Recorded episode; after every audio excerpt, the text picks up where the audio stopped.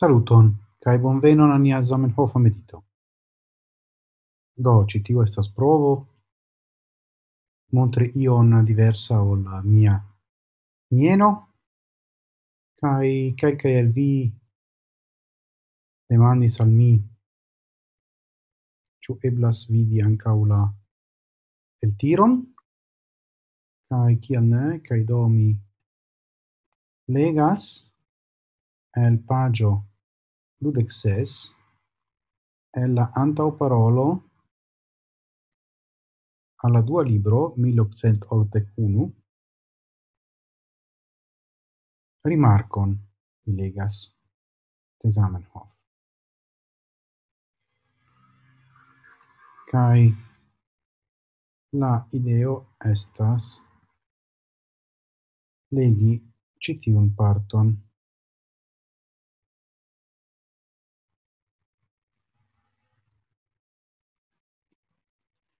La proiecton de la tutmonda voĉdono, kiu kun la efektiva kaj senkondiĉa signifo de lingvo tute ne estas kunligita, kaj kiu estas proponita sole por tio, ke la lingvo pli rapide el internacia fariĝu tutmonda,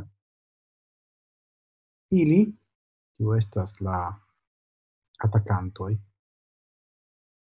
prenis por la plei grava cae fonda parto del afero, cae comprenigis la legantoin che char dec milionoi adeptoi.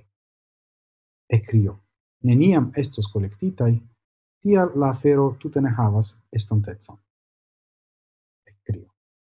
Kelkan foioin mi ec legis longajn articoloin primia afero, kie estis videble che la autoroi ec ne vidis mian verkon. Bone.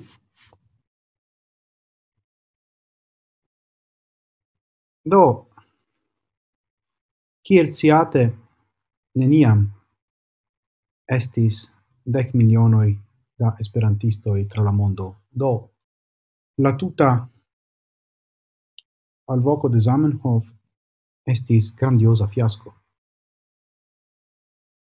Sed estas interesse che calfoie homoi iugas tutan aferon nur trarigante pardon tra rigardante unu aspecton, quio mult foie estas periferia en la tuta afero.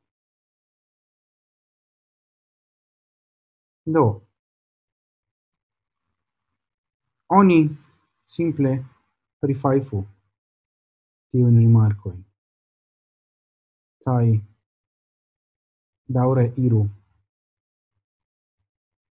longe de la voio promenanta alla celo. Ciao, se oni devas perdi tempon auscultante ciuin homoin, ciui facte faras tia tiajn in